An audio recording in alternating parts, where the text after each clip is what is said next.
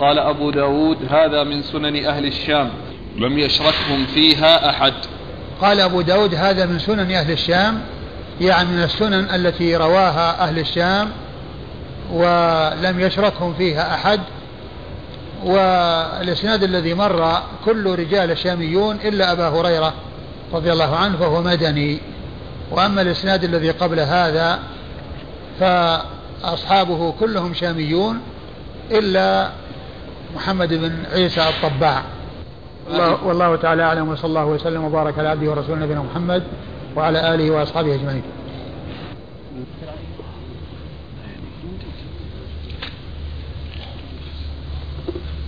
بسم الله الرحمن الرحيم. الحمد لله رب العالمين. الصلاة والسلام على نبينا محمد وعلى آله وصحبه أجمعين. أما بعد قال الإمام أبو داود السجستاني رحمه الله تعالى باب ما يجزئ من الماء في الوضوء. قال حدثنا محمد بن كثير قال حدثنا همام عن قتادة عن صفية بنت شيبة عن عائشة رضي الله عنها أن النبي صلى الله عليه وآله وسلم كان يغتسل بالصاع ويتوضأ بالمد.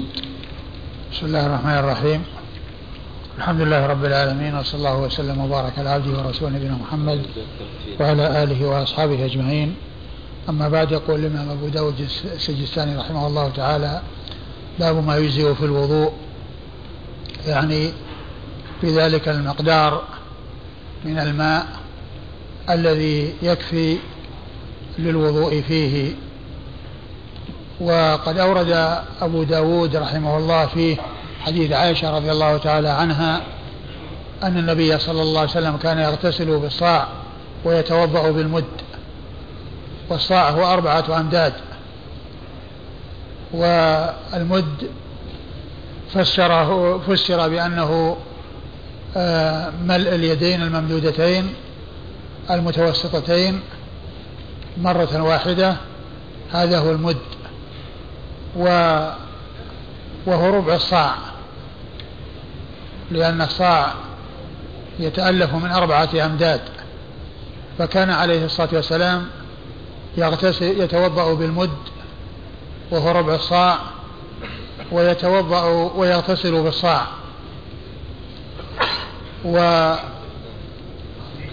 والمقصود من ذلك أن الإنسان عليه أن يتوضأ ويجري الماء على جميع أعضاء الوضوء وأقل شيء يكفي في ذلك يحصل به الإجزاء. والإسباغ هو أن يجعل ذلك ثلاث مرات وأن يدلك ويجعل الماء يسيل على أعضائه ويدلك ويدلك أعضاءه. هذا هو الإسباغ. والإجزاء هو وصول الماء إلى جميع أعضاء الجسد مرة واحدة وقد جاء في هذا الحديث أنه يغتسل بالمد وجاء في بعض الأحاديث التي ستأتي أنه ثلثي المد. ثلثي المد يعني أقل من مد فيما يتعلق بالوضوء. والاغتسال جاء عنه أنه كان يغتسل بالصاع ويغتسل بزيادة على الصاع وهو خمسة أمداد أي صاع ومد. نعم. قال حدثنا محمد بن كثير. محمد بن كثير العبدي ثقة أخرج له أصحاب الكتب الستة. عن همام. عن همام بن يحيى وهو ثقة أخرج له أصحاب الكتب الستة. عن قتادة. عن قتادة من دعامة السدوسي البصري وهو ثقة أخرج له أصحاب الكتب الستة. عن صفية بنت شيبة. عن صفية بنت شيبة الحجبية وهي لها صحبة وحديثها أخرجه أصحاب الكتب الستة. عن عائشة. عن أم المؤمنين عائشة رضي الله عنها وأرضاها الصديقة بنت الصديق من نوعية السنة وحفظتها وهي واحدة من سبعة أشخاص عرفوا بكثرة الحديث عن النبي صلى الله عليه وسلم وهذا الإسناد كله خرج لهم أصحاب الكتب الستة محمد بن كثير العبدي ثم ثم من؟ همام ثم همام بن يحيى ثم قتادة ثم صفية ثم عائشة. نعم.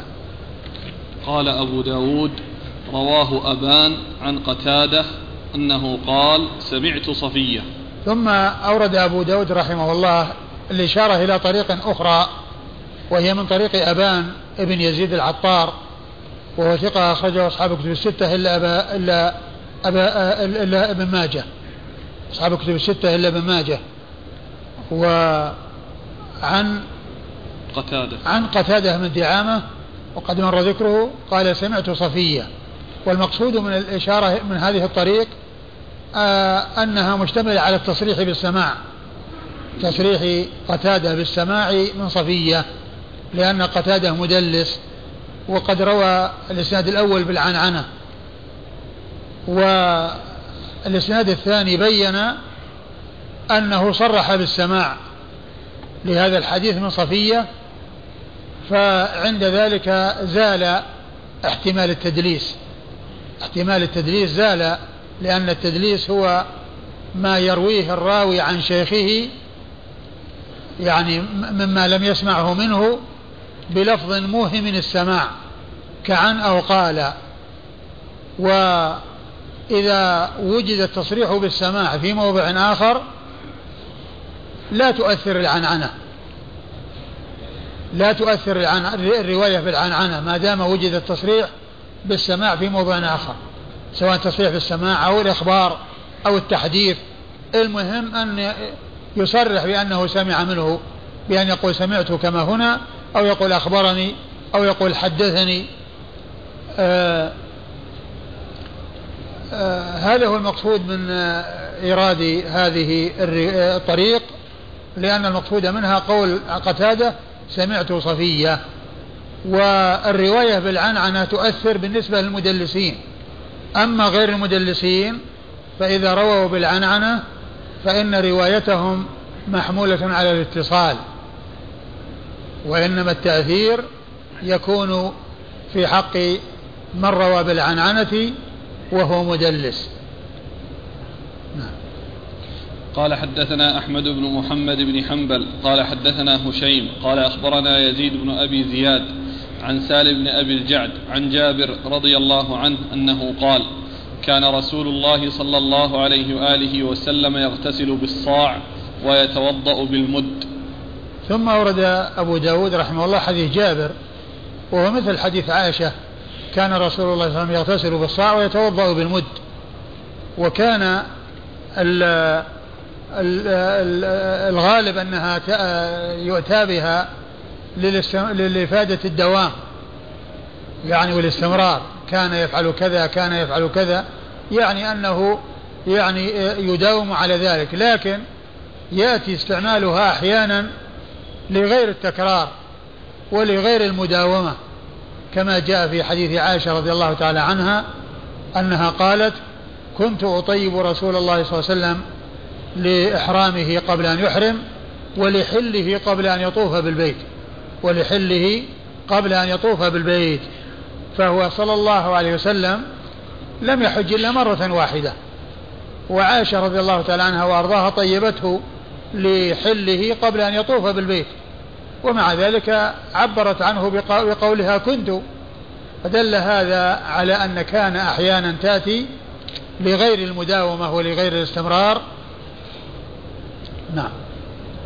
قال حدثنا أحمد بن محمد بن حنبل. حدثنا أحمد بن محمد بن حنبل وهو الإمام المشهور أحد أصحاب المذاهب الأربعة المشهورة من مذاهب أهل السنة وحديثه أخرجه أصحاب الكتب الستة. عن هشيم. عن هشيم بن بشير الواسطي وهو ثقة أخرجه أصحاب الكتب الستة. عن يزيد بن أبي زياد. عن يزيد بن أبي زياد وهو مقبول أخرج حديثه مسلم وأصحاب السنن. وهو ضعيف. وهو ضعيف أخرج حديثه مسلم. البخاري تعليقا ومسلم وأصحاب السنن البخاري تعليقا ومسلم وأصحاب السنن عن سالم بن أبي الجعد. عن سالم بن أبي الجعد وهو وهو ثقة يرسل. ثقة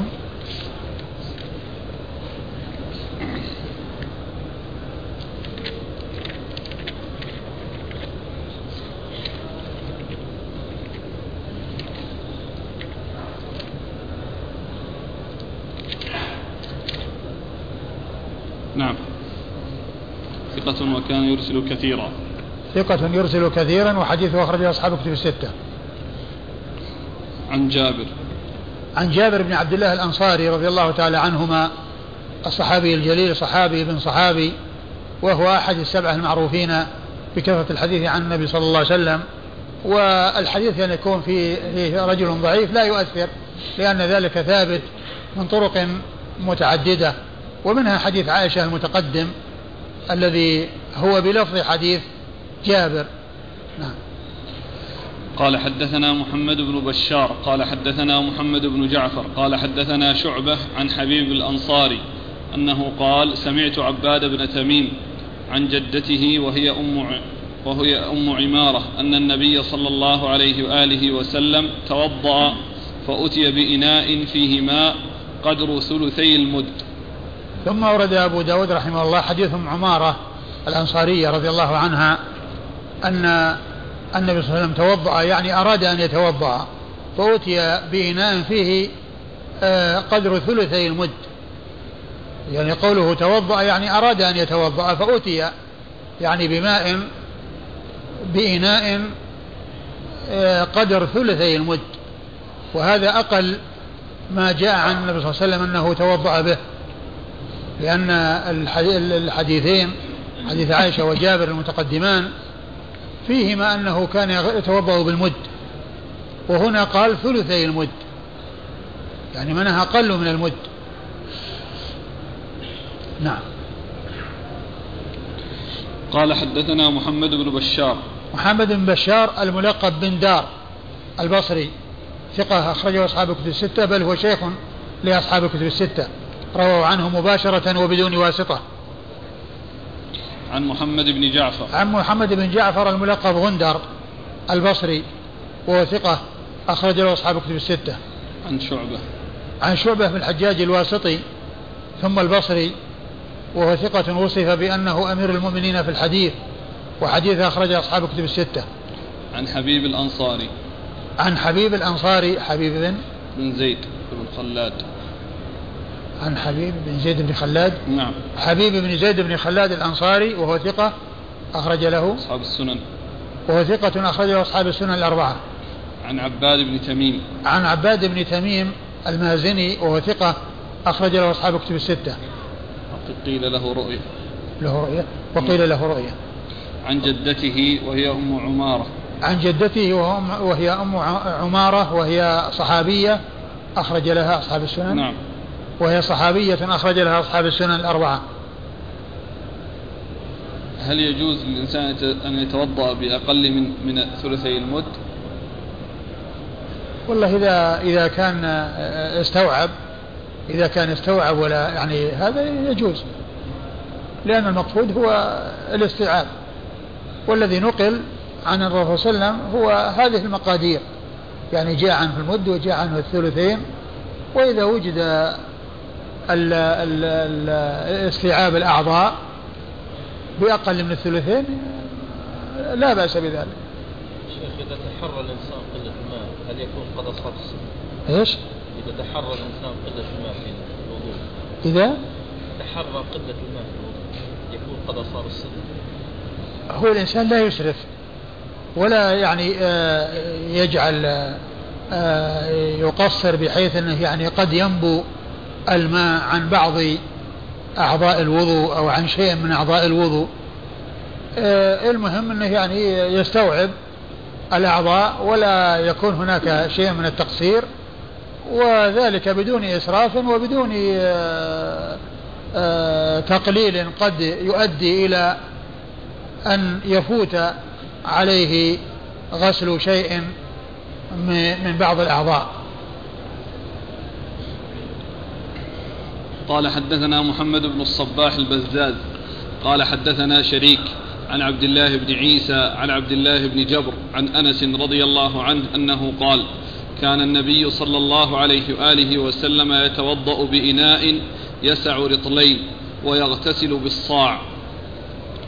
ثم ورد حديث أنس رضي الله عنه أن النبي صلى الله عليه وسلم كان يتوضأ بإناء يسع رطلين ويتوضأ ويغتسل بالصاع. والرطلان يعني قيل يعني في المد أنه رطلان وقيل إنه رطل وثلث قيل إنه رطل وثلث وقيل إنه رطلان. وهنا فيه أن النبي صلى الله عليه وسلم توضأ بإناء يسع رطلين وهو على هذا يعني إما مد أو أكثر من المد. إما مد على اعتبار أن المد رطلين أو أكثر من المد على أن المد رطل وثلث. على أن المد رطل وثلث. ويغتسل بالصاع وهو مطابق لما تقدم. قال حدثنا محمد بن الصباح البزاز. محمد بن الصباح البزاز ثقة أخرج له. أصحاب الكتب. ثقة أخرج له أصحاب الكتب الستة. عن شريك. عن شريك بن عبد الله النخعي الكوفي القاضي. وهو صدوق آه، يخطئ كثيرا وحديثه أخرجه البخاري تعليقا ومسلم وأصحاب السنن. عن عبد الله بن عيسى. عن عبد الله بن عيسى الكوفي وهو ثقة أخرج له. أصحاب الكتب. وهو ثقة أخرجه أصحاب الكتب الستة. عن عبد الله بن جبر. عن عبد الله بن عبد الله بن جبر. عبد الله بن عبد الله بن جبر وهو ثقة أخرج له. أصحاب الكتب. نعم. وهو ثقة أخرج له أصحاب الكتب. ويقال له ابن جابر أيضا. يعني يقال ابن جبر ويقال ابن جابر ويقال عبد الله بن جبر ويقال عبد الله بن عبد الله بن جبر. وقد ذكر أبو داود رحمه الله بعد ذلك آه، اختلافا في العزو إليه ونسبة الحديث إليه. نعم. عن أنس. عن أنس بن مالك رضي الله عنه صاحب رسول الله صلى الله عليه وسلم وخادمه وأحد السبعة المعروفين بكثرة الحديث عن النبي صلى الله عليه وسلم.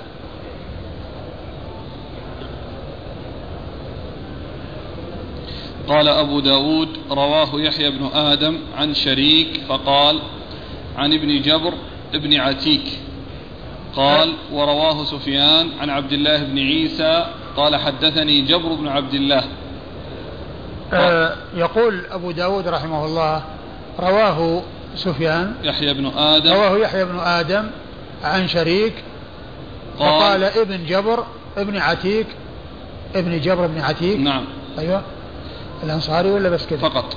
آه ابن جبر بن عتيك يعني أنه نسبه إلى جده جبر ونسب جده أيضا بأنه ابن عتيك.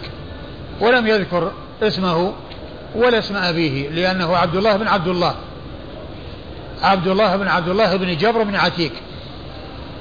ويقال له بدل جبر جابر.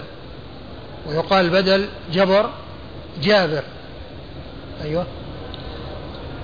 قال ورواه سفيان عن عبد الله بن عيسى قال حدثني جبر بن عبد الله. ورواه سفيان عن عبد الله بن عيسى عبد الله بن عيسى الذي تقدم. وسفيان وعبد الله بن عيسى روى عنه السفيانان سفيان الثوري وسفيان بن عيينة. وهو محتمل لهذا ولهذا. والأقرب أنه سفيان بن الثوري لأن عبد الله بن عيسى كوفي وسفيان الثوري كوفي. فيكون كونه من أهل بلده وعلى صلة به كثيرا يحمل على من يكون كذلك. لكن محتمل لهذا ولهذا لأن سفيان بن عيينة روى عن عبد الله بن عيسى. ولكن كون هذا كوفي وهذا كوفي والملازمة والاتصال الكثير غالبا يكون بين من يكون في يكونان في البلد أو يكونون في البلد أكثر ممن لا يروي عنه إلا برحلة أو بسفر لأن سفيان بن عيينة مكي. فيمكن أن يكون يعني هذا أو هذا وأنه أخذه عنه في رحلة حج أو عمرة. أو رحلة آه، علم وتحصيل علم. الحاصل أن أنه محتمل لهذا ولهذا وكونه سفيان الثوري يكون أقرب لكونه من بلده. أيوة. قال قال ابن جبر فقال حدثني جبر بن عبد الله. حدثني جبر بن عبد الله يعني معكوس يعني بدل عبد الله بن جبر جبر بن عبد الله. نعم. قال أبو داود ورواه شعبة قال حدثني عبد الله بن عبد الله بن جبر. قال سمعت أنسا إلا أنه قال يتوضأ بمكوك ولم يذكر رطلين. ثم قال يعني أنه أن شعبة رواه عنه وقال عبد الله بن عبد الله بن جبر. عبد الله بن عبد الله بن جبر وإلا أنه قال يتوضأ بمكوك, بمكوك وهو المد. ولم, ولم يذكر رطلين. ولم يذكر رطلين. وهذا يعني يشير بأن المقصود هو المد وأنه يعادل رطلين على أحد الأقوال ويقال له مكوك اللي هو المد. قال أبو داود وسمعت أحمد بن حنبل يقول الصاع خمسة أرطال وهو صاع ابن أبي ذئب وهو صاع النبي صلى الله عليه وآله وسلم. ثم قال أن أحمد بن حنبل رحمة الله عليه قال الصاع خمسة أرطال. خمسة أرطال. وهذا يعني آه يعني قريب من القول بأن المد آه, رطل وثلث. رطل وثلث. وأنه ليس رطلين لأنه جعل الصاع خمسة أرطال. مع أن الصاع أربعة أمداد. الصاع أربعة أمداد. وهذا المقدار الذي هو خمسة أرطال هو الذي جاء عليه وسلم أنه كان يتوضأ يعني بالصاع إلى خمسة أرطال يعني بزيادة على الصاع أو أنه آه، خمسة أمداد مش أرطال خمسة أمداد.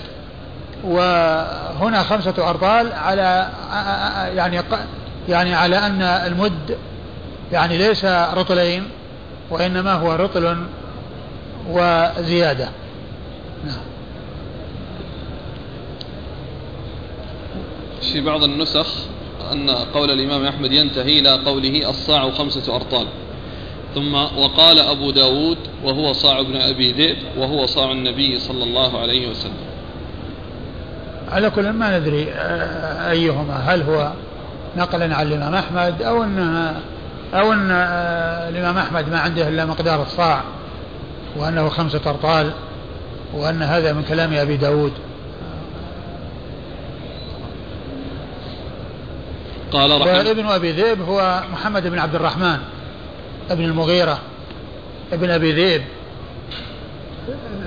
محدث فقيه مشهور بالحديث وبالفقه وحديثه أخرجه أصحاب الكتب الستة ونسبته إليه على اعتبار أنه يعني مشهور عنه وأنه موجود عنده وقال وهو صاع النبي صلى الله عليه وسلم يعني أنه متوارث أنه متوارث وأن آه، الصاع يعني كان عند ابن أبي ذئب.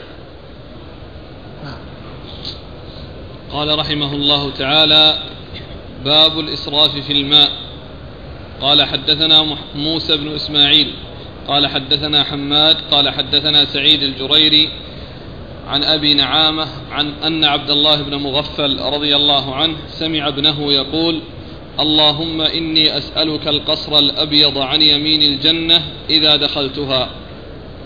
فقال أي بني سل الله الجنة وتعوذ به من النار. فإني سمعت رسول الله صلى الله عليه وآله وسلم يقول إنه سيكون في هذه الأمة قوم يعتدون في الطهور والدعاء. يعتدون في الطهور. يعتدون في الطهور لعله في الطهور يعني في الوضوء. نعم. إيش يقول؟ باب الإسراف في الماء. باب الإسراف في الماء. لما ذكر يعني ما يجزي في الوضوء. يعني أتى بهذه الترجمة التي هي الإسراف في الماء يعني في عند الوضوء أو الغسل وأن الإنسان لا يسرف لا يسرف ولا يقلل بحيث يقصر في استيعاب الأعضاء ويكون يعني فيه شيء من التقصير بسبب التقليل وإنما يعتدل ويتوسط يسبغ الوضوء ولكن بدون إسراف. ولا فلا يزيد عن ثلاث مرات. فلا يزيد عن ثلاث مرات. لأن الزيادة عن ثلاث مرات من الإسراف. ومن آه، آه، تجاوز الحدود. فأورد أبو داود حديث عبد الله بن مغفل نعم. حديث عبد الله بن مغفل رضي الله تعالى عنه أنه سمع ابنه يقول اللهم أني أسألك القصر الأبيض عن يمين الجنة إذا دخلتها. فأنكر عليه هذا السؤال. وقال سل الله الجنة وتعوذ به من النار. يعني يكفيك أنك تسأل الله الجنة والمهم أنك المهم أن تدخل الجنة وأن تسلم من النار. أما أن تسأل يعني شيئا يعني معينا في الجنة وأن يكون قصرا أبيض عن يمين الجنة إذا دخلت إذا دخل إذا دخلتها فهذا اعتبره من الاعتداء في الدعاء. والاعتداء في الدعاء كون الإنسان يسأل منزلة لا يستحقها ويسأل شيئا يعني آه، آه، يكون متعديا فيه. ولكن كونه يسأل الله عز وجل أن يدخله الجنة وأن يعيذه من النار هذا هو الذي يحصل به المقصود وليس فيه آه، اعتداء. وكل مسلم يعني يسأل الله عز وجل الجنة ويعوذ به من النار. وهذا فيه دليل أيضا على أن العبد آه، يعبد الله عز وجل يرجوه ويخافه يرجو جنته ويخاف عذابه يرجو رحمته ودخوله الجنة ويخاف غضبه ودخوله النار. وليس كما يقوله بعض الصوفية الذين يقولون أنه لا يعبد الله رغبة في جنته ولا خوفا من ناره وإنما شوقا إليه. فالإنسان يعبد الله محبة وخوفا ورجاء. كل ذلك يفعله الإنسان. وأصحاب رسول الله صلى الله عليه وسلم وقدوتهم رسول الله عليه الصلاة والسلام كانوا يسألون الله الجنة ويعوذون به من النار. وإبراهيم الخليل عليه الصلاة والسلام يقول واجعلني من ورثة جنة النعيم واجعلني من من ورثة جنة النعيم. فالقول بأن الإنسان يعني لا يعبد الله رغبة في جنته ولا خوفا من ناره هذا غلط. بل يعبد الله محبة وخوفا ورجاء. يعبد الله محبة وخوفا ورجاء. ثم أورد عبد الله بن مغفل رضي الله عنه الحديث عن رسول الله صلى الله عليه وسلم أنه يأتي في هذه الأمة أو يكون في هذه الأمة قوم يعتدون في الطهور وفي وفي في الدعاء. يعتدون في الطهور وهذا محل الشاهد الإسراف يعني كونه يتجاوز الحد بأن يسرف وذلك مثل أن يتوضأ بأكثر من ثلاث مرات. بأن يزيد على ثلاث مرات هذا من الإسراف. أن يزيد على ثلاث مرات هذا من الإسراف والتعدي. وقد جاء ما يدل على المنع منه عن رسول الله صلى الله عليه وسلم. وكذلك الدعاء وهذا هو محل إيراد آه، عبد الله بن مغفر رضي الله عنه الحديث للاستدلال على ما أنكره على ابنه من كونه سأل الله القصر الأبيض في الجنة يعني إذا دخلها. فسؤال منازل النبيين وأن يكون في درجة النبيين هذا من الاعتداء في الدعاء لأن الأنبياء عليهم الصلاة والسلام لهم منزلة ولهم منازل لا يساويهم فيها غيرهم وهم أعلى أهل الجنة في الجنة. ولا أحد يعني يماثلهم أو لا أحد يساويهم عليهم الصلاة والسلام. فسؤال منازلهم وأن الإنسان يكون له منزلة له منزلتهم يعني هذا من الاعتداء في الدعاء. وما جاء في الحديث الذي فيه أن آه، آه، الحديث الذي فيه آه، يغبطهم الأنبياء والشهداء. إيش هم الم... لا لا لا. لا لا. ما أدري ما أدري وش الذي ورد بشأنهم الحديث. نعم المتحابون في يعني آه على منابر. على منابر يغبطهم الأنبياء والشهداء. يعني الغبطة هذه لا تدل على أن الغابط يعني أقل من المغبوط وإنما بيان لرفعة شأن المغبوط وإن كان دون من غبطه لأن الغبطة لا تعني أن كل غابط يكون دون من غبطه فيكون الأنبياء دون هؤلاء بل الأنبياء فوق آه، فوقهم وفوق غيرهم وهم أعلى ولهم أعلى الدرجات عليهم الصلاة والسلام. وإنما المقصود من ذلك بيان أن هذه منزلة يغبطون عليها بمعنى أنهم يحمدون عليها أو يثنى عليهم فيها لا أن الغابط لم يصل إليها ولا يعني آه، لم يدركها فإن الأنبياء هم أعلى من غيرهم ولا يساويهم أحد ولا يدانيهم أحد نعم قال حدثنا موسى بن إسماعيل. موسى بن إسماعيل التبوذكي أبو سلمة ثقة أخرجه أصحاب كتب الستة. عن حماد. عن حماد بن سلمة. وهو ثقة أخرجه البخاري تعليقا ومسلم وأصحاب السنة. وقد ذكرت مرارا أنه إذا جاء موسى بن إسماعيل يروي عن حماد فالمراد به بن سلمة. عن سعيد الجريري. عن سعيد بن إياس الجريري وهو ثقة أخرجه أصحاب كتب الستة.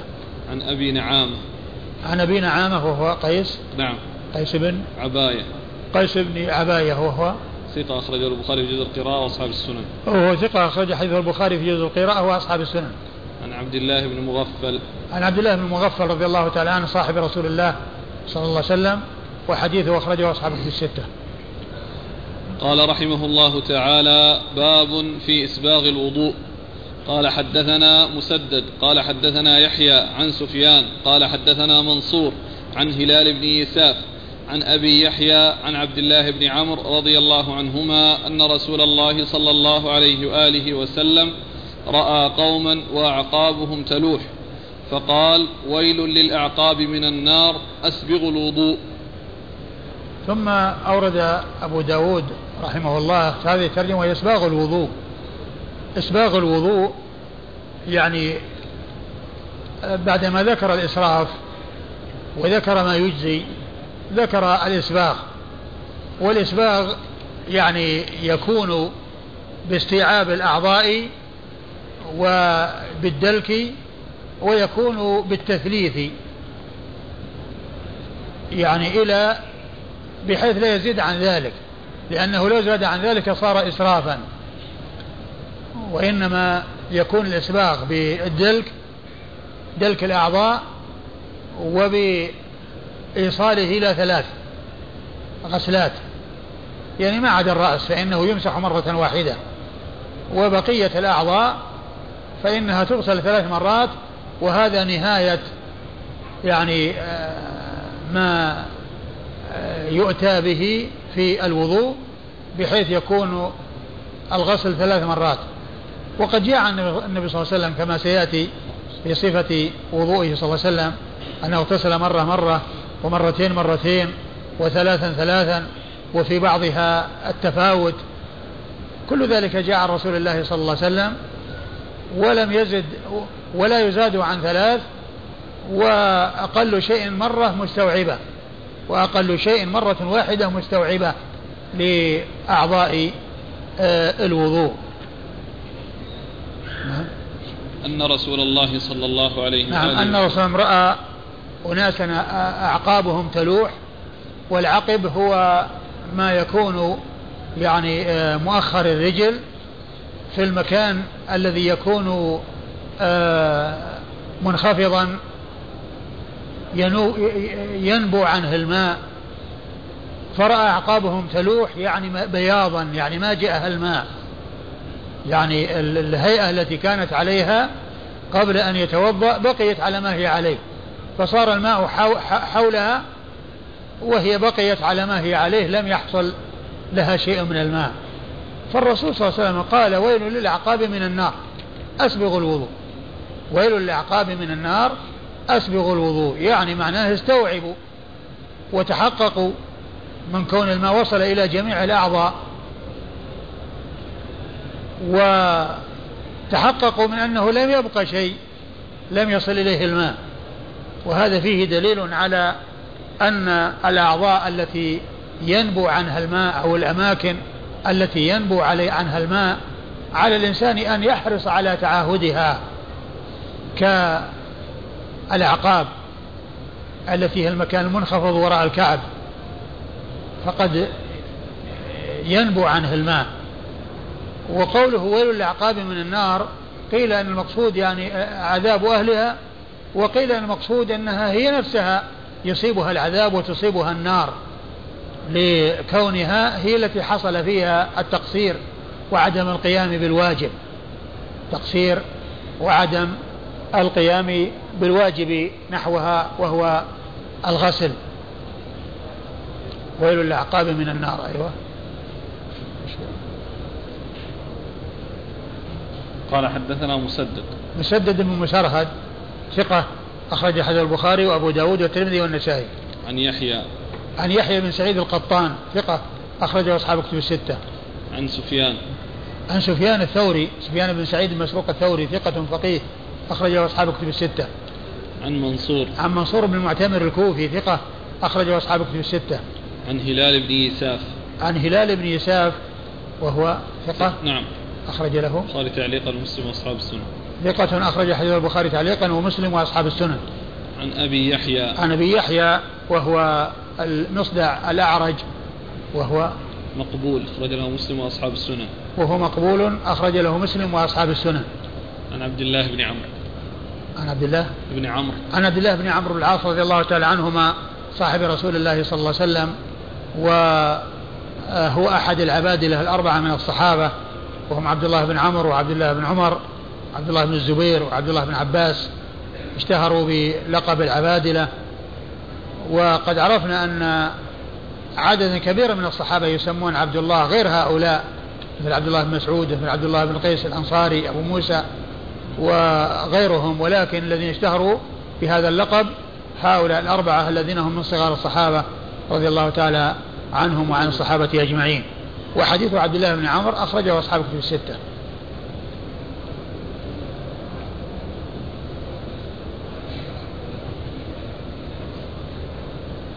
سأل الشيخ عبد الرزاق يقول دلالة الحديث دلالة الحديث على حكم تارك الصلاة.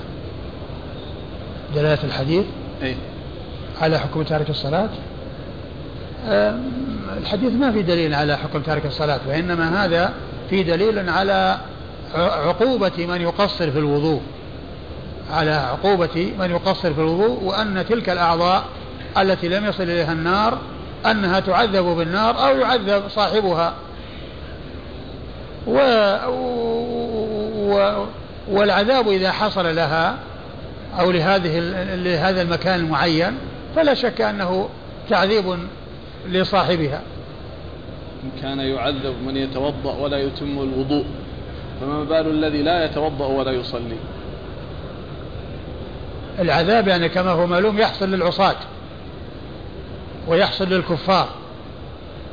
ووجود يعني العذاب لمن قصر في الوضوء لا يدل على على على الكفر. ليس فيه يعني شيء يتعلق به تارك الصلاة وإنما فيه على أن من ترك الواجب أو قصر في ذلك الواجب فإنه يعاقب على ترك على ذلك التقصير. مع أن هؤلاء ما كانوا متعمدين وإنما وجد منهم ذلك النقص الذي هو الإخلال بالواجب. من حصل منه ذلك وأراد أن يصلي فنبه أيعيد الوضوء من أوله أم يكتفي بغسل القدمين؟ إذا كان أن, أن حديث يعني عهد بالوضوء وأنه يعني يعني الرطوبة موجودة يمكن أن يمسح يعني من بقية قدمه بحيث أنه يعني يغطي المكان. وإذا كان أنه قد يعني قد سبق أنه نشف ومضى عليه وقت فإنه يعيد الوضوء.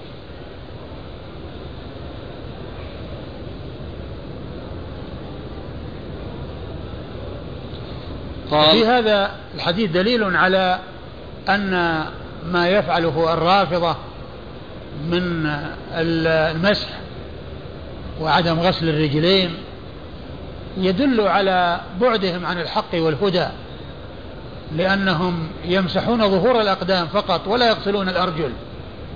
ومعنى هذا أن الأعقاب وغير الأعقاب لا يأتيها ماء عند الرافضة.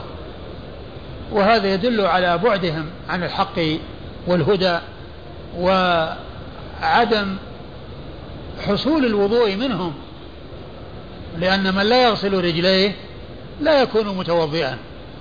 لأن أعضاء الوضوء لا بد من استيعابها ولا بد من الإتيان عليها كلها. ومنها الرجلان إلى الكعبين. فما جاء في هذا الحديث يدل على بعد الرافضة عن الحق والهدى لكونهم لا يغسلون أرجلهم. وأيضا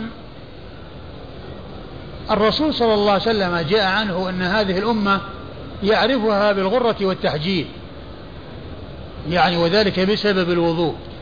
ومن المعلوم أن الذي لا يغسل رجليه ليس من أهل التحجيل. ليس من أهل التحجيل وليس له هذه العلامة. ولا تكون فيه هذه العلامة. وهي أن أن هذه الأمة يعرفهم أنه بأنهم غر محجلون. يعني بسبب الوضوء. يعني معناه أن الذي لا يغسل رجليه ليس من أهل هذه العلامة ولا تكون له هذه العلامة.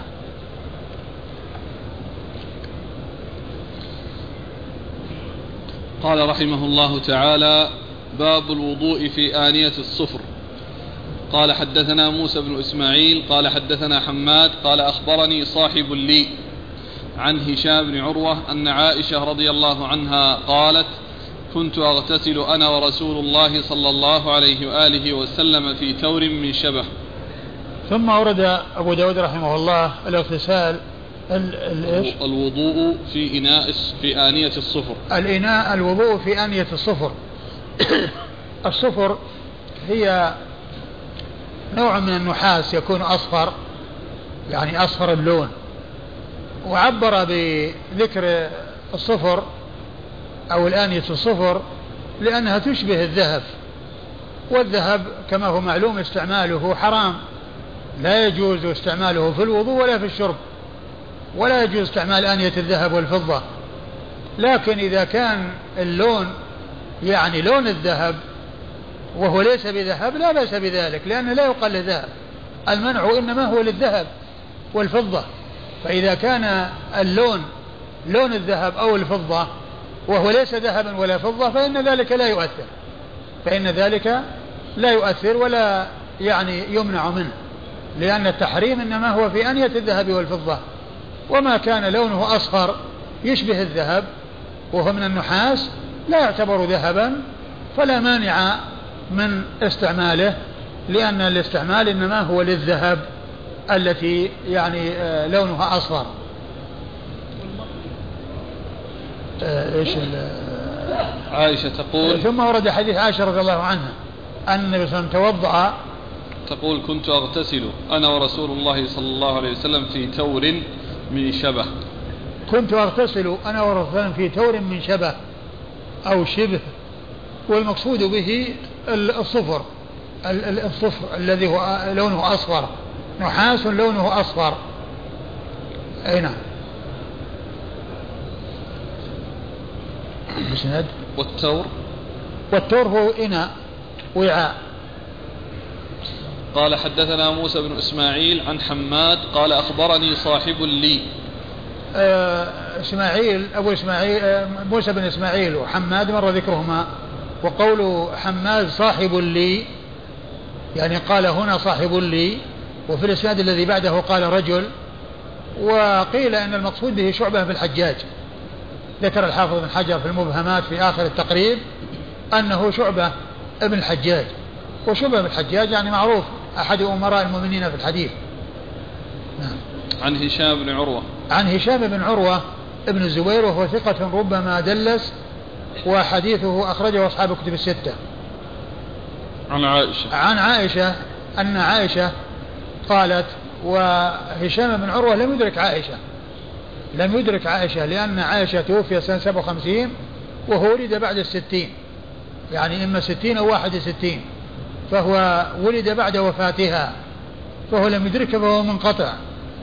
هو منقطع يعني بين هشام ابن عروة وعائشة. قال حدثنا محمد بن العلاء أن إسحاق بن منصور حدثهم أيوه. عن أن إسحاق بن منصور حدثهم عن حماد بن سلمة عن رجل عن هشام بن عروة عن أبيه عن عائشة رضي الله عنها عن النبي صلى الله عليه وآله وسلم بنحوه. ثم ورد أبو داود حديث عائشة من طريق أخرى وهو مثل الذي قبله إلا أن فيه ذكر يعني الواسطة بين هشام بن عروة وبين عائشة وأنه رجل وفيه أيضا ذكر يعني بدل صاحب لنا قال رجل نعم إيش الإسناد؟ قال حدثنا محمد بن العلاء محمد بن العلاء بن كريب أبو كريب ثقة أخرجه أصحاب كتب الستة. عن إسحاق بن منصور. عن إسحاق بن منصور الثلولي وهو صدوق. وهو صدوق أخرج له أصحاب الكتب الستة. عن حماد بن سلمة عن رجل عن هشام بن عروة عن أبيه. عن حماد بن سلمة عن رجل وفي الإسناد الأول قال صاحب لنا والرجل وصاحب له في روايته عن هشام بن عروة قال الحافظ في التقريب في آخره أنه شعبة. عن هشام عن هشام بن عروة عن رجل. عن أبيه. عن أبيه نعم. فيكون يعني فيه ذكر الواسطة بين آه، هشام وعائشة وإبهامه إبهامه وهو رجل.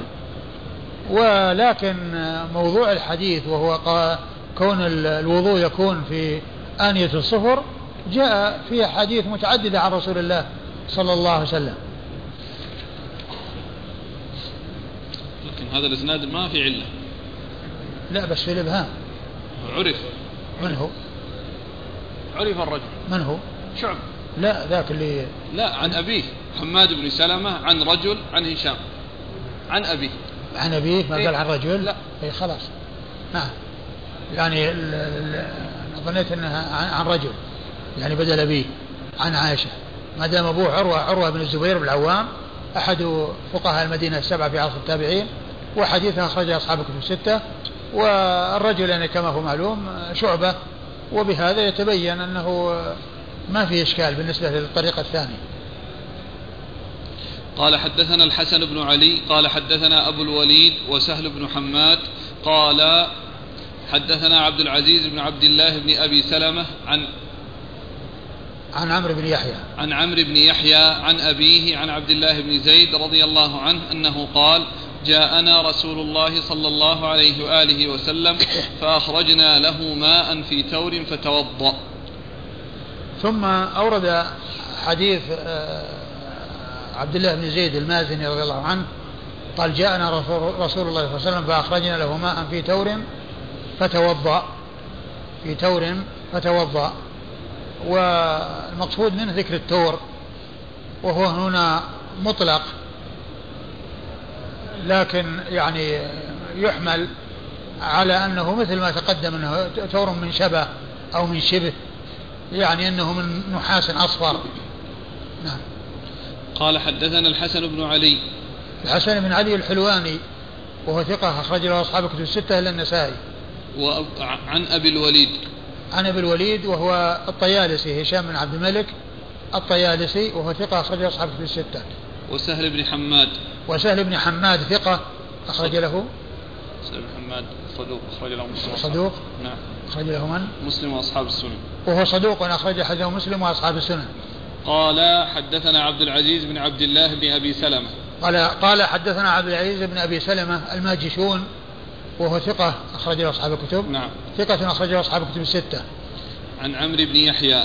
عن عمرو بن يحيى المازني وهو ثقة أخرج له أصحاب الكتب الستة. عن أبيه. عن أبيه يحيى بن بن سلمة. بن عمارة. يحيى بن عمارة وهو ثقة أخرج له أصحاب الكتب الستة. عن عبد الله بن زيد. عن عبد الله بن زيد المازني رضي الله عنه صاحب رسول الله صلى الله عليه وسلم وحديث أخرج أصحاب الكتب. نعم. وأخرج حديث أصحاب الكتب الستة. إخواني يقولوا في النسخ التي عندنا عمر. عمر يعني هو عمر وليس عمر. هو عمر وصحح عمر. قال رحمه الله تعالى باب التسمية على الوضوء. قال حدثنا قتيبة بن سعيد قال حدثنا محمد بن موسى عن يعقوب بن سلمة عن أبيه عن أبي هريرة رضي الله عنه أنه قال قال رسول الله صلى الله عليه وآله وسلم لا صلاة لمن لا وضوء له ولا وضوء لمن لم يذكر اسم الله تعالى عليه. ثم ورد أبو داود رحمه الله إذا ترجمه هي التسمية على الوضوء. يعني كل إنسان يسمي الله عز وجل ويذكر الله عند الوضوء.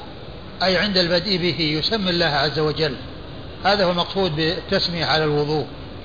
و آه، بعض أهل العلم قال بوجوبها وأن وأنها مثل الجملة التي قبلها التي جاءت في الحديث لا يعني لا صلاة لمن لا وضوء لا, له. لا صلاة لمن لا وضوء له.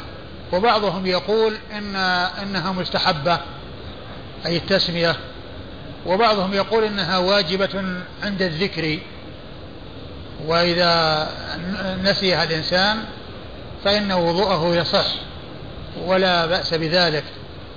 وبعضهم يقول إن المقصود بالتسمية هي كون الإنسان ينوي عندما يريد الوضوء يعني ينوي هذه العبادة وعند الاغتسال من الجنابة ينوي هذه العبادة وأنه إذا ما وجدت النية فإن العمل لاغيا ولا يعتبر لأنه لا بد من النية لأن الأعمال بالنيات. يعني فسر يعني بهذه التفسيرات. وكون العمل لا بد فيه من النية هذا أمر لا إشكال فيه. لكن كون الحديث يحمل عليه يعني فيه إشكال. والمقصود أن التسمية الإنسان يذكر الله عز وجل وإذا نسيه وإذا نسي التسمية فإن الوضوء يكون صحيحا. وأما كونه يتعمد التسمية فعلى القول بالوجوب يعني آه أنه ليس بمستحب يعني معنى ذلك يؤثر. وقد أورد أبو داود حديث أبي هريرة. نعم. حديث أبي هريرة رضي الله عنه قال لا وضوء لا, لا. صلاة نعم. لا صلاة لمن لا وضوء له. نعم. لا صلاة لمن لا وضوء له. يعني معناه أن الإنسان إذا كان غير متوضئ فإنه لا تصح صلاته. ولو كان ذلك نسيانا يكون الإنسان صلى وهو ليس على وضوء يجب عليه أن يتوضأ ويصلي. ولا تسقط ولا يقال أنها تصح الصلاة. وهذا بخلاف النجاسة إذا كانت على الإنسان. فإن الإنسان لو صلى وعليه نجاسة ولم يعلم بها إلا بعد فراغ الصلاة تصح صلاته. أما بالنسبة للوضوء فلا تصح الصلاة إلا بوضوء. ولو صلى الإنسان ناسيا فإن عليه أن يتوضأ ويصلي. وذلك أن النسيان بالنسبة لل أن أن الصلاة بالنسبة للنجاسة جاء ما يدل على أنها تصح الصلاة. وذلك في صلاة الرسول صلى الله عليه وسلم بنا عليه وفيهما يعني شيء من النجاسة والقدر فأخبره جبريل وهو في الصلاة فنزع نعليه وهو يصلي. فلولا أن الصلاة صحيحة لا أعاد أو استأنف الصلاة من جديد ولكنه صلى الله عليه وسلم واصل الصلاة واصل الصلاة وقد صلى بعضها وعليه وفينا عليه النجاسة؟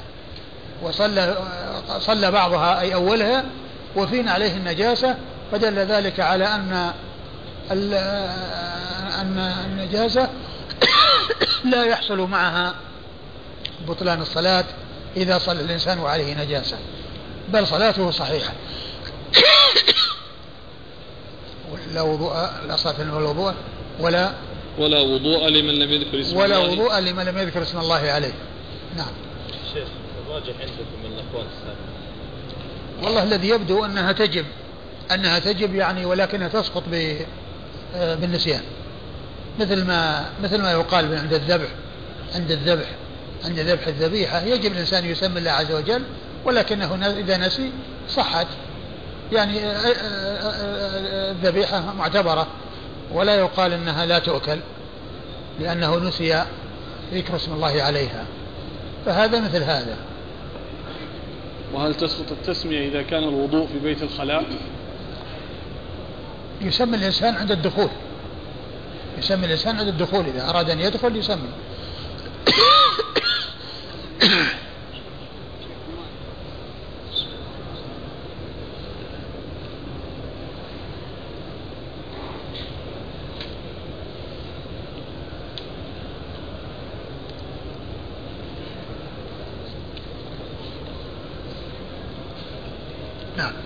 قال حدثنا قتيبة.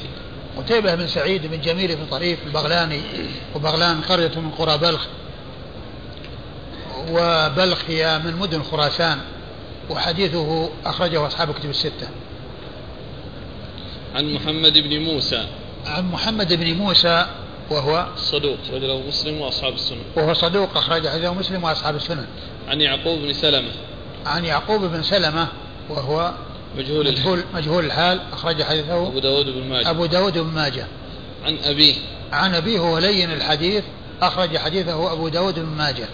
عن أبي هريرة. عن أبي هريرة عبد الرحمن بن صخر الدوسي صاحب رسول الله صلى الله عليه وسلم وهو أكثر الصحابة حديثا على الإطلاق. والحديث يعني فيه هذان هذان الرجلان. مجهول الحال واللين الحديث ولكن الحديث يعني له طرق. الحديث له شواهد. يعني آه يثبت بها. نعم. قال حدثنا أحمد بن عمرو بن السرح قال حدثنا ابن وهب عن الدراوردي أنه قال وذكر ربيعة أن تفسير حديث النبي صلى الله عليه وآله وسلم لا وضوء لمن لم يذكر اسم الله عليه أنه الذي يتوضأ ويغتسل ولا ينوي وضوءا للصلاة ولا غسلا للجنابة. ثم ورد أبو داود هذا الأثر عن ربيعة بن أبي عبد الرحمن رحمه الله. أنه قال تفسير يعني الحديث أن المقصود به ألا ينوي ألا يكون هناك نية للوضوء ولا الغسل. ومن المعلوم أن النية لا بد منها. النية لا بد منها وأن الإنسان يكون يعني ينوي هذه العبادة ويستذكر هذه العبادة وينويها. ولو أن الإنسان اغتسل وعليه جنابة وما نوى غسل الجنابة فإن غسله لا يعتبر لأنه لا بد من النية. كونه يعني عليه جنابة واغتسل للتبرد وما نوى جنابة الجنابة لا تزال باقية ولم يغتسل من الجنابة لأن العبادة لا بد فيها من النية. نعم. قال حدثنا أحمد بن عمرو بن السرح. أحمد بن عمرو السرح المصري وهو ثقة أخرج حديثه مسلم وأبو داود والنسائي وابن ماجه. مسلم وأبو داود والنسائي وابن ماجه. عن ابن وهب. عن ابن وهب عبد الله بن وهب المصري وهو ثقة فقيه أخرجه أصحاب كتب الستة. عن الدراوردي. عن الدراوردي عبد العزيز بن محمد الدراوردي صدوق أخرج له أصحاب كتب الستة. عن ربيعة. عن ربيعة بن أبي عبد الرحمن وهو ثقة أخرج ثقة فقيه أخرج له أصحاب كتب الستة. والله تعالى أعلم وصلى الله وسلم وبارك على عبده ورسوله نبينا محمد. وعلى آله وأصحابه أجمعين. شيخ هل صح عن الإمام أحمد أنه قال في باب التسمية لا يصح فيه شيء؟ ما أذكر لكنه يعني بعض العلماء قال هذا أنه لم يثبت فيه شيء. لكن بعضهم قال أن هذه أن الشواهد والأشياء التي يعني وردت في الموضوع على على اختلافها يشهد بعضها لبعض ويثبت به الحكم.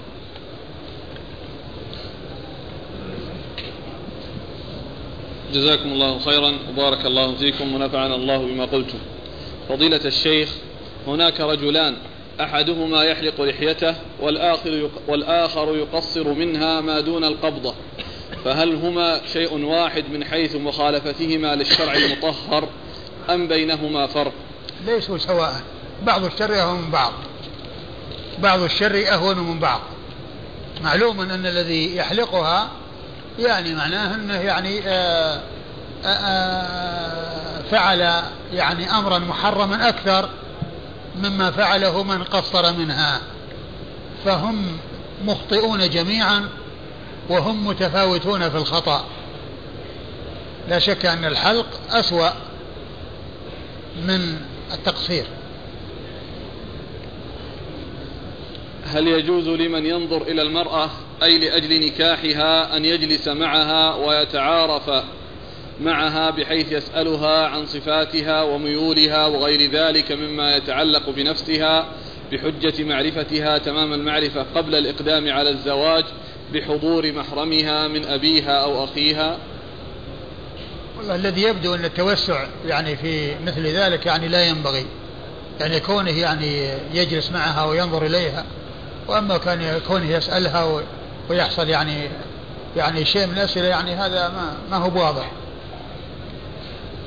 ذكر أبي داود لطريق قتادة التي فيها التصريح بالسماع. هل هذا يفيد دفع توهم تدريس قتادة وبناء عليه أن المتقدمين كانوا يحتاطون في عنعنة المدلس خلافا لمن أنكر ذلك؟ نعم هو المقصود آه، بيان دفع احتمال التدليس. لأن قضية العنعنة يعني كما هو معلوم فيها احتمال الانقطاع واحتمال الاتصال. فإذا جاء التصريح بالسماع زال الاحتمال الآخر الذي هو الانقطاع. ولا شك أن يعني أن هذا من عمل المتقدمين يعني يكون أبو داود رحمه الله أورد هذا الطريق من أجل هذا أورده من أجل هذا. فالاحتياط طبعا آه، هو للمتقدمين. المتقدمين هم أصحاب الأسانيد.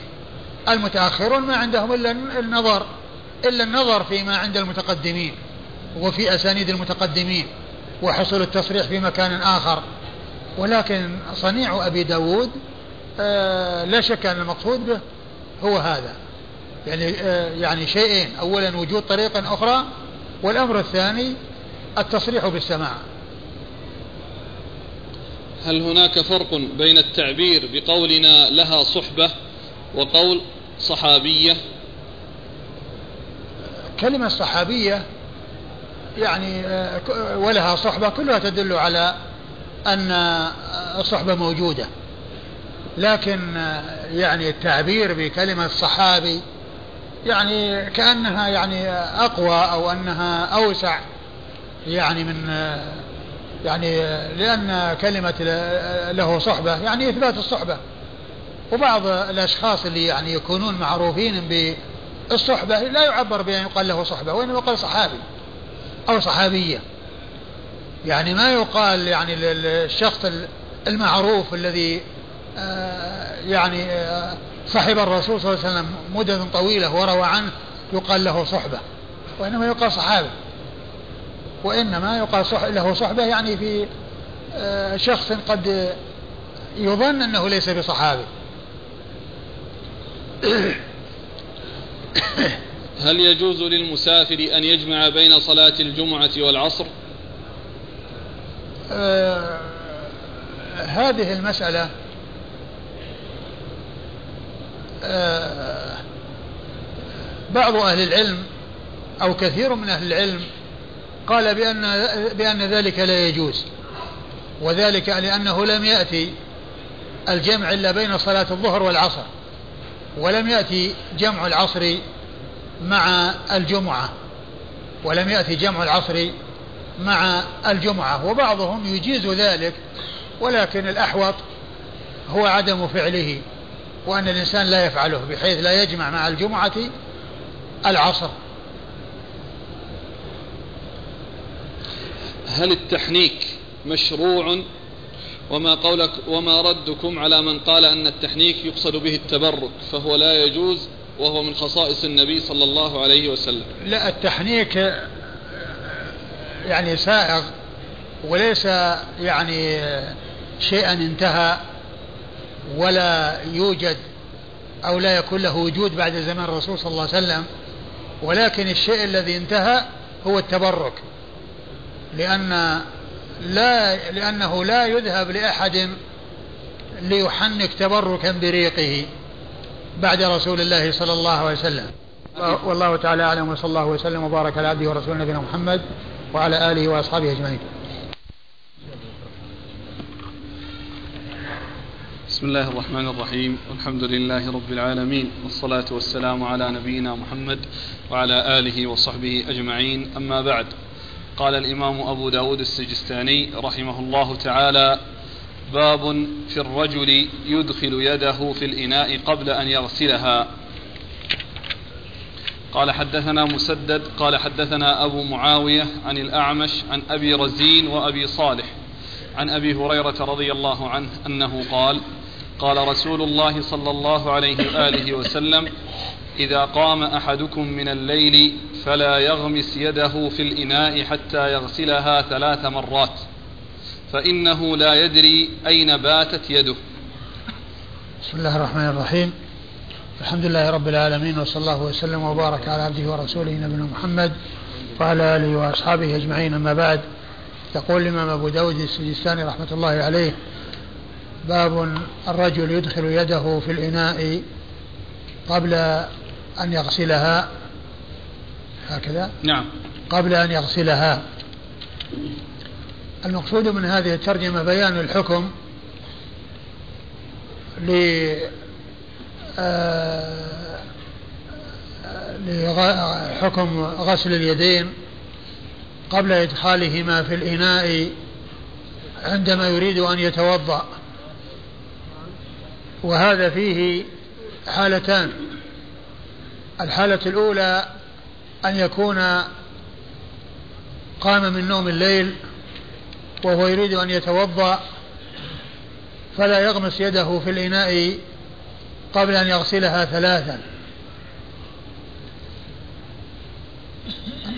وفي الحالات الأخرى يستحب له أن يغسلها ثلاثا قبل أن يغمسها في الإناء. وفيما يتعلق بالقيام من نوم الليل أورد فيه أبو داود رحمه الله حديث أبي هريرة رضي الله عنه أن النبي صلى الله عليه وسلم قال إذا قام أحدكم من الليل فلا يغمس يده في الإناء قبل أن يغمسها قبل أن يغسلها ثلاثا فإن أحدكم لا يدري أين باتت يده. ففي هذا التقييد بالقيام من من من, من نوم الليل. وأن وأنه قد نهي المسلم أن يغمس يده في الإناء قبل أن يغسلها ثلاثا. ففيه وجوب غسل اليدين عند القيام من نوم الليل قبل غمسهما في الإناء ثلاثا. وبعض أهل العلم رأى أن من حصلت منه المخالفة وغمسها قبل أن يغسلها خارج الإناء ثلاثا فإن الماء يكون متنجسا ولا يجوز استعماله. وبعضهم رأى أنه لا يتنجس بذلك ولا يسلبه الطهورية أي غمس اليدين قبل أن يغسلهما عند القيام من نوم الليل ولكنه يأثم لمخالفته ولوقوعه في النهي وهو أنه غمسها قبل أن يغسلها. وبعض أهل العلم رأى أن هذا على الاستحباب وأن وأنه يستحب للإنسان أن يغسلها لكن القول بالوجوب وأن أنه لا يجوز له أن يغسلها يغمسها قبل أن يغسلها ثلاثا عند القيام من من نوم الليل ولكنه لو خالف لا يسلبه الطهورية هذا هو القول الأولى والأظهر. أما ما عدا حالة القيام من نوم الليل فإن المستحب في حقه أن يغسلها ثلاثا.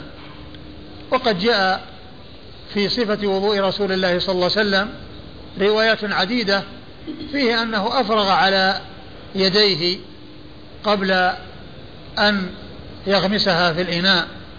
فهذا يدل على الاستحباب في تلك الأحوال.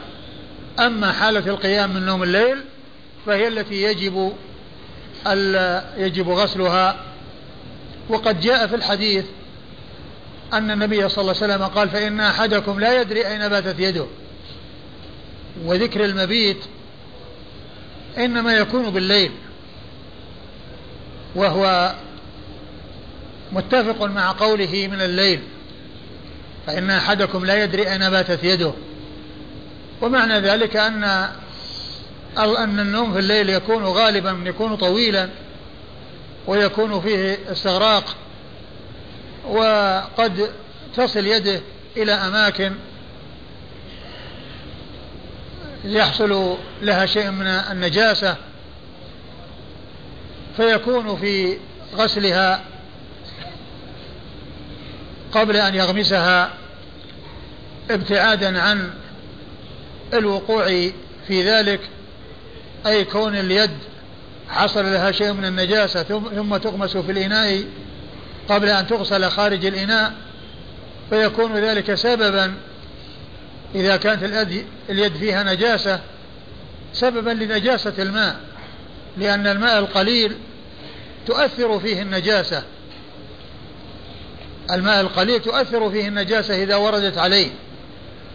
وذلك بأن تكون اليد مثلا فيها نجاسة ثم يغمسها الإناء الإنسان في إناء صغير فإنه يكون نجسا بذلك ولا يجوز استعماله.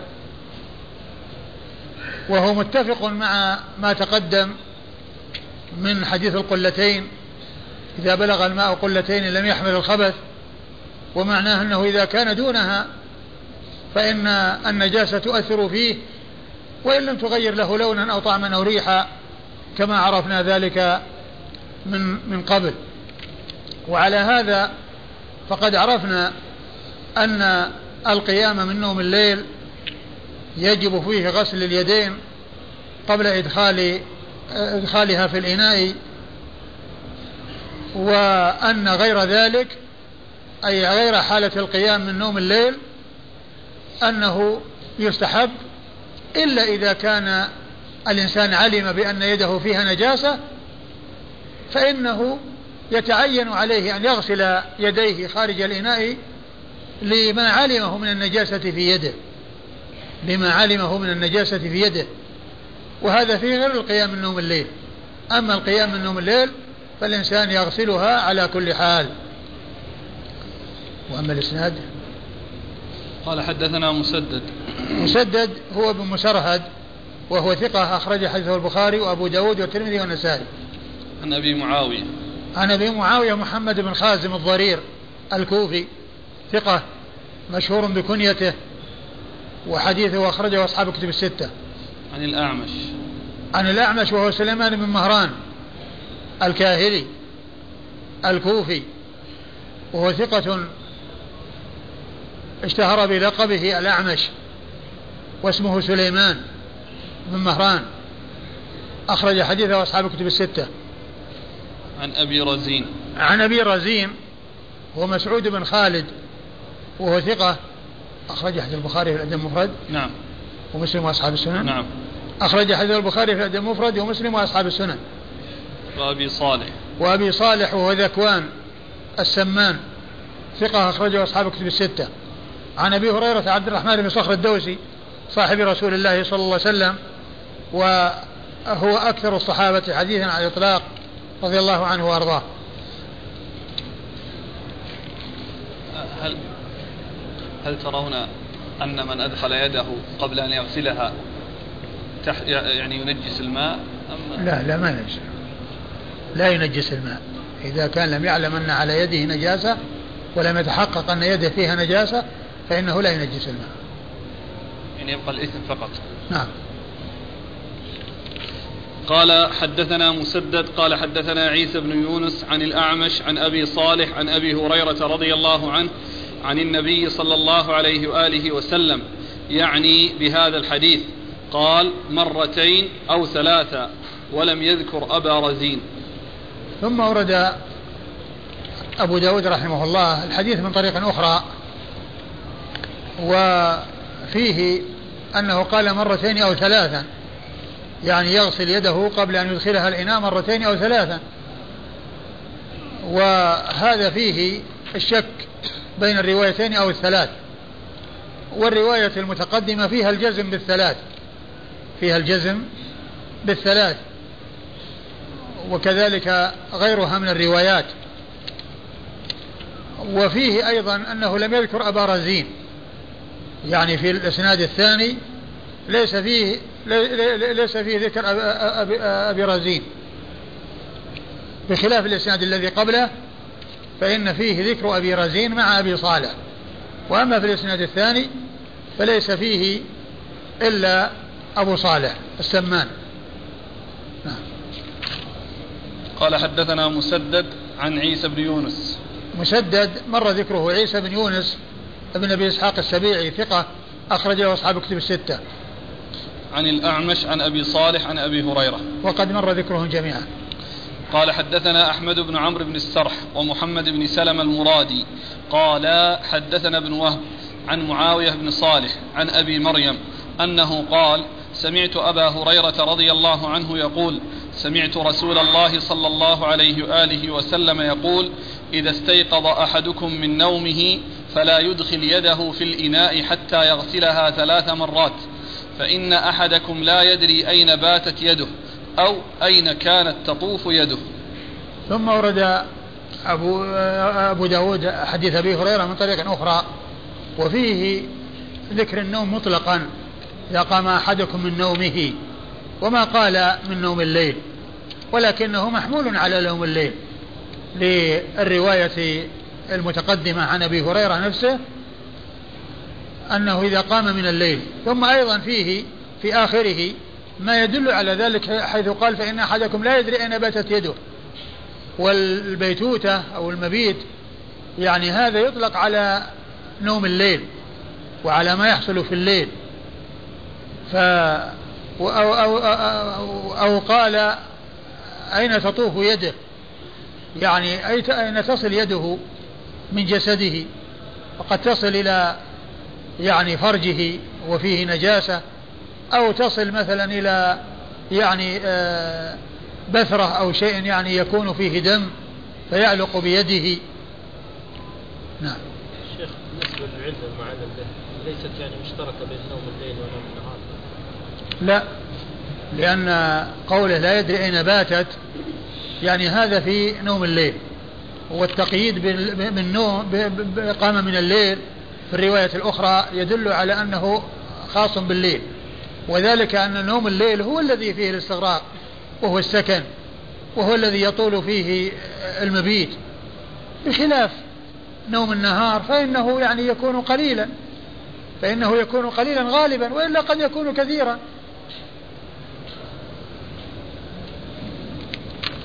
قال حدثنا أحمد بن عمرو بن السرح.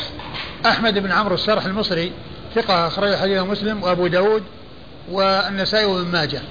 ومحمد بن سلمة المرادي. ومحمد بن سلمة المرادي المصري وهو ثقة أيضا وحديثه أخرج أخرجه أيضا مسلم وأبو داود والنسائي وابن ماجه كالذي قبله. عن ابن وهب. عن ابن وهب عبد الله بن وهب المصري ثقة فقيه أخرج له أصحاب الكتب الستة. عن معاوية بن صالح. عن معاوية بن صالح بن حدير وهو صدوق ولا ثقة؟ صدوق له أوهام. صدوق له أوهام أخرج حديثه؟ البخاري في جزء القراءة ومسلم وأصحاب السنن. أخرج حديث البخاري في جزء القراءة ومسلم وأصحاب السنن. عن أبي مريم. عن أبي مريم وهو؟ قيل اسمه عبد الرحمن بن ماعز وقيل ويقال مولى أبي هريرة. ثقة أخرج له البخاري في الأدب المفرد وأبو داود الترمذي. آه، أبو مريم مولى أبي هريرة ثقة أخرج حديثه البخاري في الأدب المفرد وأبو داود والترمذي. البخاري في الأدب المفرد وأبو داود والترمذي. عن أبي هريرة. عن أبي هريرة وقد مر ذكره.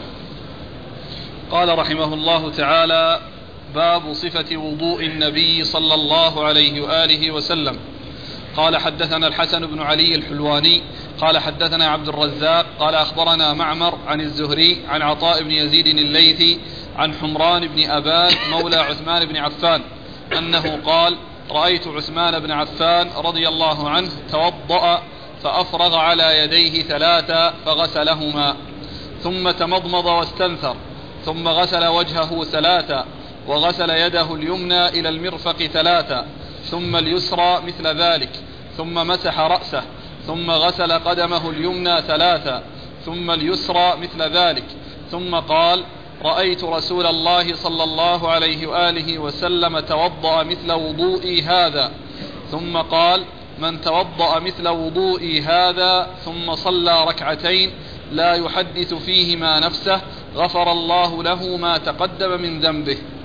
ثم ورد أبو داود رحمه الله باب صفة وضوء رسول الله صلى الله عليه وسلم. باب صفة وضوء رسول الله صلى الله عليه وسلم. وقد اعتنى أصحاب رسول الله صلى الله عليه وسلم في آه، ضبط كيفية وضوءه صلى الله عليه وسلم وبينوها للناس ب يعني بالأقوال وبالأفعال. وقد جاء عن عثمان وعلي رضي الله تعالى عنهما روايات متعددة في وصفهم لصلاة رسول الله صلى الله عليه وسلم بالفعل وأنهم توضأوا والناس يرونهم وقالوا إن هذه صفة وضوء رسول الله صلى الله عليه وسلم ففيه بيان السنن بالقول والفعل. وقد أورد أبو داود رحمه الله روايات عديدة عن عثمان بن عفان رضي الله تعالى عنه في صفة وضوء رسول الله صلى الله عليه وسلم. وهذه آه، الصفة هي تتعلق ببيان الكيفية من أول الوضوء إلى آخره وغاية أو حاصل ما ورد في ذلك وهو الحد الأعلى المضمضة والاستنشاق ثلاثا أولا ثم غسل الوجه ثلاثا ثم غسل المرفق اليدين إلى المرفقين ثلاثا ثم مسح الرأس مرة واحدة ثم غسل الرجلين إلى الكعبين ثلاثا.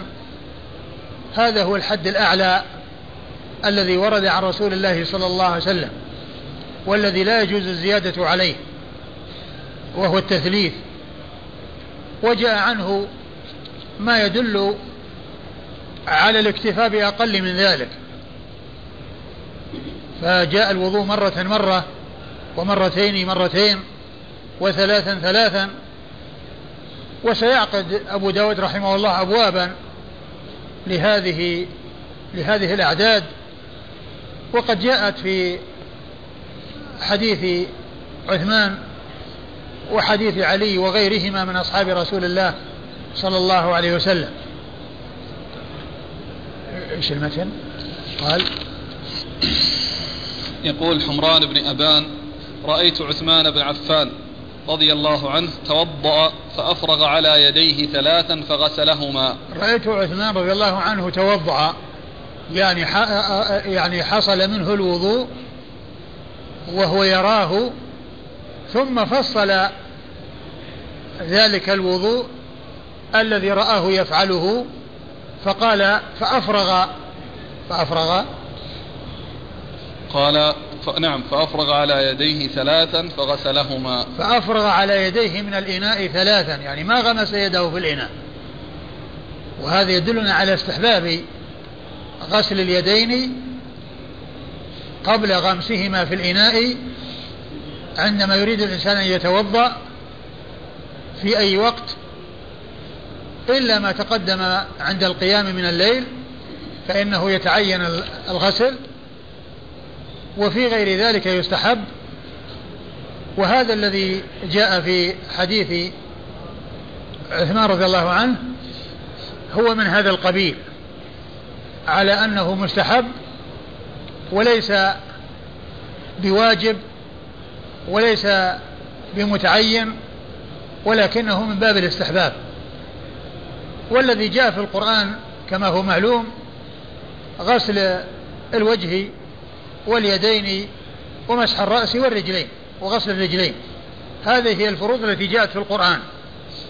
وليس فيها وليس فيه ذكر غسل اليدين قبل إدخالهما في الإناء ولكن جاء ذلك في السنة. إذا هو من قبيل المستحبات وليس أمرا متحتما وليس أمرا لازما إلا عند القيام من نوم الليل. إلا عند القيام من نوم الليل كما عرفنا ذلك آه، آنفا. فأفرغ على يديه فغسلهما ثلاثا. أيوة. ثم تمضمض واستنثر. ثم تمضمض واستنثر. يعني استنثر يعني استنشق. لأن لأن الاستنثار هو إخراج الماء بعد إدخاله في الأنف. فإدخاله في الأنف استنشاق وإخراجه استنثار. يعني معناها أنه وجد منه الاستنثار بعد أن وجد الاستنشاق. وفي بعض الروايات ذكر الاستنشاق ولم يذكر الاستنثار. ومن المعلوم أن واحد منهما يكفي عن الآخر لأن الاستنشاق يعني إدخال الماء ثم إخراجه يكون بعد ذلك والاستنثار هو إخراجه بعد إدخاله. فيأتي ذكر الاستنشاق وحده ويأتي ذكر الاستنثار وحده والمقصود به إدخال الماء إلى الأنف وجذبه بقوة النفس ثم إخراجه بعد أن دخل في الأنف ونظفه يخرجه الذي هو الاستنثار. فتمضمض واستنثر يعني تمضمض أدخل الماء في فمه وأداره فيه ثم مجه وأخرجه. وكذلك أدخل الماء في أنفه وجذبه وهو الاستنشاق ثم استنثره أي أخرجه. وقد جاء في الحديث وبالغ في الاستنشاق إلا أن تكون صائما. إلا أن تكون صائما لأن الإنسان إذا كان صائم وبالغ قد يدخل الماء إلى جوفه عن طريق أنفه. أيوة. قال ثم غسل. وما ذكر العدد ولكنه جاء في بعض الأحاديث بعض الروايات ذكر العدد وأنه ثلاثا. يعني تمضمض ثلاثا واستنشق ثلاثا. أيوة. ثم غسل وجهه ثلاثا. ثم غسل وجهه ثلاثا. غسل وجهه ثلاثا. أيوة. وغسل يده اليمنى إلى المرفق ثلاثا. وغسل يده اليمنى إلى المرفق ثلاثا. وإلى هي بمعنى مع. يعني أن الغاية داخلة في المغيى ولهذا جاء في بعض الأحاديث حتى أشرع في العضد. يعني غسل غسل ذراعه حتى أشرع في العضد يعني معناه أنه تجاوز المرفقين. تجاوز المرفقين. فالغاية داخلة في المغيى وليست خارجة عنه. فالمرفقان مغسولان تبعا لليدين. أيوة. ثم اليسرى مثل ذلك. ثم اليسرى مثل ذلك يعني غسلها ثلاثا. ثم مسح رأسه. ثم مسح رأسه ولم يذكر عددا بل أطلق. وقد جاء في بعض الروايات مرة واحدة. وهذا هو الذي يناسب بالنسبة للرأس أنه المسح ليس الغسل لا التكرار. لأن التكرار تكرار المسح هو يكون بمثابة الغسل لأنه كأنه غسله. وحكمه المسح وليس الغسل الرأس. حكمه المسح وليس الغسل. يبدأ من مقدمة رأسه إلى قفاه ثم يردهما إلى المكان الذي بدأ منه وهذه هي مسحة واحدة. نعم. ثم غسل قدمه اليمنى ثلاثا. ثم غسل قدمه اليمنى ثلاثا يعني إلى المرفقين إلى الكعبين. ثم اليسرى كذلك يعني فعل فيها ما مثل ما فعل في اليمنى يعني ثلاثا. أيوة. ثم قال رأيت رسول الله صلى الله عليه وآله وسلم توضأ مثل وضوئي هذا. ثم قال رأيت رسول الله توضأ مثل وضوئي هذا. لأن توضأ والناس يرون. ثم قال إنه تو... أن الرسول توضأ مثل وضوئه وأنه يعني إنما فعل ذلك ليبين لهم الكيفية كيفية وضوئه صلى الله عليه وسلم. ثم قال من توضأ مثل وضوء هذا ثم صلى ركعتين لم يحدث فيهما نفسه لا يحدث فيهما نفسه غفر الله له ما تقدم من ذنبه. ثم قال من آه، من توضأ مثل من توضأ وضوء هذا ثم صلى ركعتين لا يحدث ما فيهما نفسه غفر له ما تقدم من ذنبه. يعني وهذه يعني آه، ركعتين يعني بعد الوضوء. يعني إذا توضأ وصلى ركعتين يعني لا يحدث بهما نفسه فإن الله تعالى يغفر له ما تقدم من ذنبه والمقصود من ذلك الصغائر. وأما الكبائر فإنه لا بد فيها من التوبة لأنه جاء في بعض الأحاديث ما يدل على أن التكفير بالأعمال الصالحة إنما يكون للصغائر وأما الكبائر فإنه لا بد فيها من التوبة. لا بد أن يتوب الإنسان من الكبيرة حتى تغفر. أما إذا كان مصرا عليها وقد فعل تلك الطاعة أو توضأ وضوءا على هذه الهيئة وصلى ركعتين لا يحدث فيهما نفسه وهو مصر على كبيرة من الكبائر فإن ذلك لا يكفره وإنما يكفره التوبة. ولهذا جاء في بعض الأحاديث ما يدل على التقييد حيث قال الجمعة إلى الجمعة ورمضان إلى رمضان والعمرة إلى العمرة كفارة لما بينهما ما اجتنبت الكبائر ويقول الله عز وجل إن تجتنبوا كبائر ما تنهون عنه نكفر عنكم سيئاتكم نعم. شيخ هل هناك ضابط لعدم حديثه لنفسه؟ إيش؟ لعدم حديثه لنفسه هناك ضابط معين حديث النفس هو أن يحدث نفسه بأمور الدنيا قالوا والمقصود والمقصود من ذلك هو الذي يعني يكون شغله ويكون تفكيره في أمور الدنيا أما لو حصل هجوم يعني شيء أو خاطر على الإنسان ثم دفعه وانصرف عنه وأقبل على صلاته فإن ذلك يكون معفوا عنه إن شاء الله ويحصل ذلك الأجر. قال حدثنا الحسن بن علي الحلواني الحسن بن علي الحلواني ثقة أخرج حديث أصحاب الكتب الستة إلا النسائي. عن عبد الرزاق. عن عبد الرزاق بن همام الصنعاني اليماني ثقة أخرج له أصحاب الكتب الستة. عن معمر. عن معمر بن راشد الأزدي البصري ثم اليماني ثقة أخرج له أصحاب الكتب الستة. عن الزهري. عن الزهري محمد بن مسلم بن عبيد الله بن شهاب الزهري ثقة فقيه أخرج له أصحاب الكتب الستة. عن عطاء بن يزيد الليثي. عن عطاء بن يزيد الليثي وهو ثقة أخرجه أصحاب الكتب الستة. عن حمران بن أبان. عن حمران بن أبان مولى عثمان وهو ثقة أخرج له أصحاب الكتب الستة. عن عثمان. عن عثمان بن عفان رضي الله تعالى عنه أمير المؤمنين وثالث الخلفاء الراشدين ذي النورين صاحب المناقب الجمة والفضائل الكثيرة رضي الله تعالى عنه وأرضاه وحديثه عند أصحاب الكتب الستة.